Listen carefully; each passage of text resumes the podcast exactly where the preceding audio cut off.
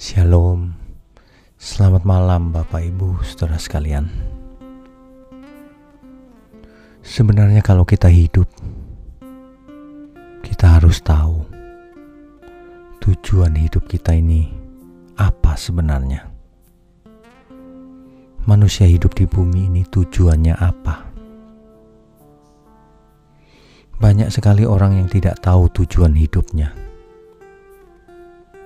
Itulah sebabnya ia hidup tidak terarah dengan benar karena tidak tahu tujuannya.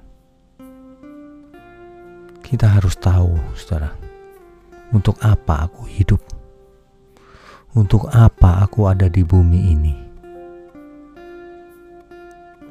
Itulah sebabnya Alkitab adalah satu-satunya penuntun bagi kita semua yang bisa menjelaskan apa tujuan kita hidup.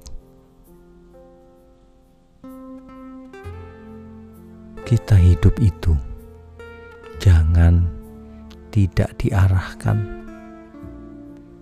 Jangan punya filosofi mengalir seperti air, sebab air mengalir tak menentu. Arahnya bisa ke selokan, ke got, bisa ke mana-mana. Hidup kita jangan seperti angin juga yang bertiup entah ke mana lalu hilang. Hidup kita ini hanya satu kali. Mari kita arahkan dengan benar. Mari kita memiliki tujuan hidup yang benar. Untuk mengetahui hal ini, tentu kita harus belajar dari Sang Pencipta kita. Untuk apa aku diciptakan?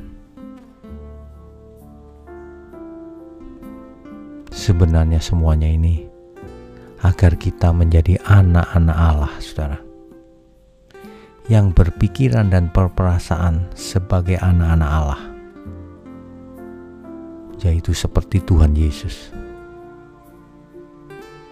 Jika kita mengerti tujuan hidup ini dengan benar, maka seluruh aspek hidup kita, seluruh apa yang kita lakukan,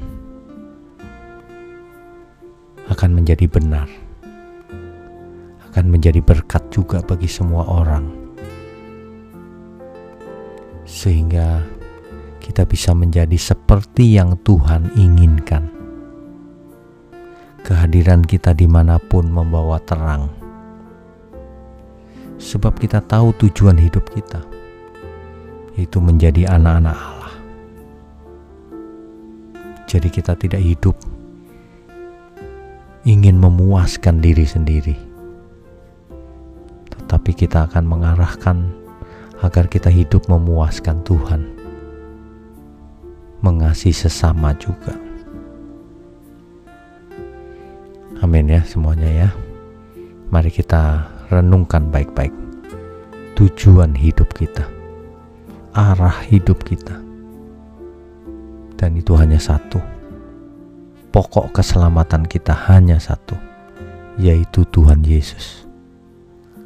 Agar kita menjadi anak-anak Bapa di surga. Kiranya ini memberkati kita semua untuk tahu arah hidup kita ke mana. Selamat malam, selamat beristirahat. Tuhan Yesus memberkati kita semua. Amin.